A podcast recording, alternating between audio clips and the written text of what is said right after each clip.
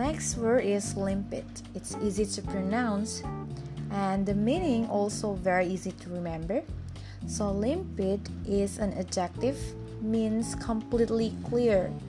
So it is very clear. We could also say it's crystal clear. We can use limpid to express liquid such as water or also someone's eyes. Limpid in Indonesia artinya adalah jernih, jelas, tidak kabur atau kelihatan. Jadi benar-benar jernih. With synonyms clear or transparent. For example, a limpid pool, kolam yang sangat jernih.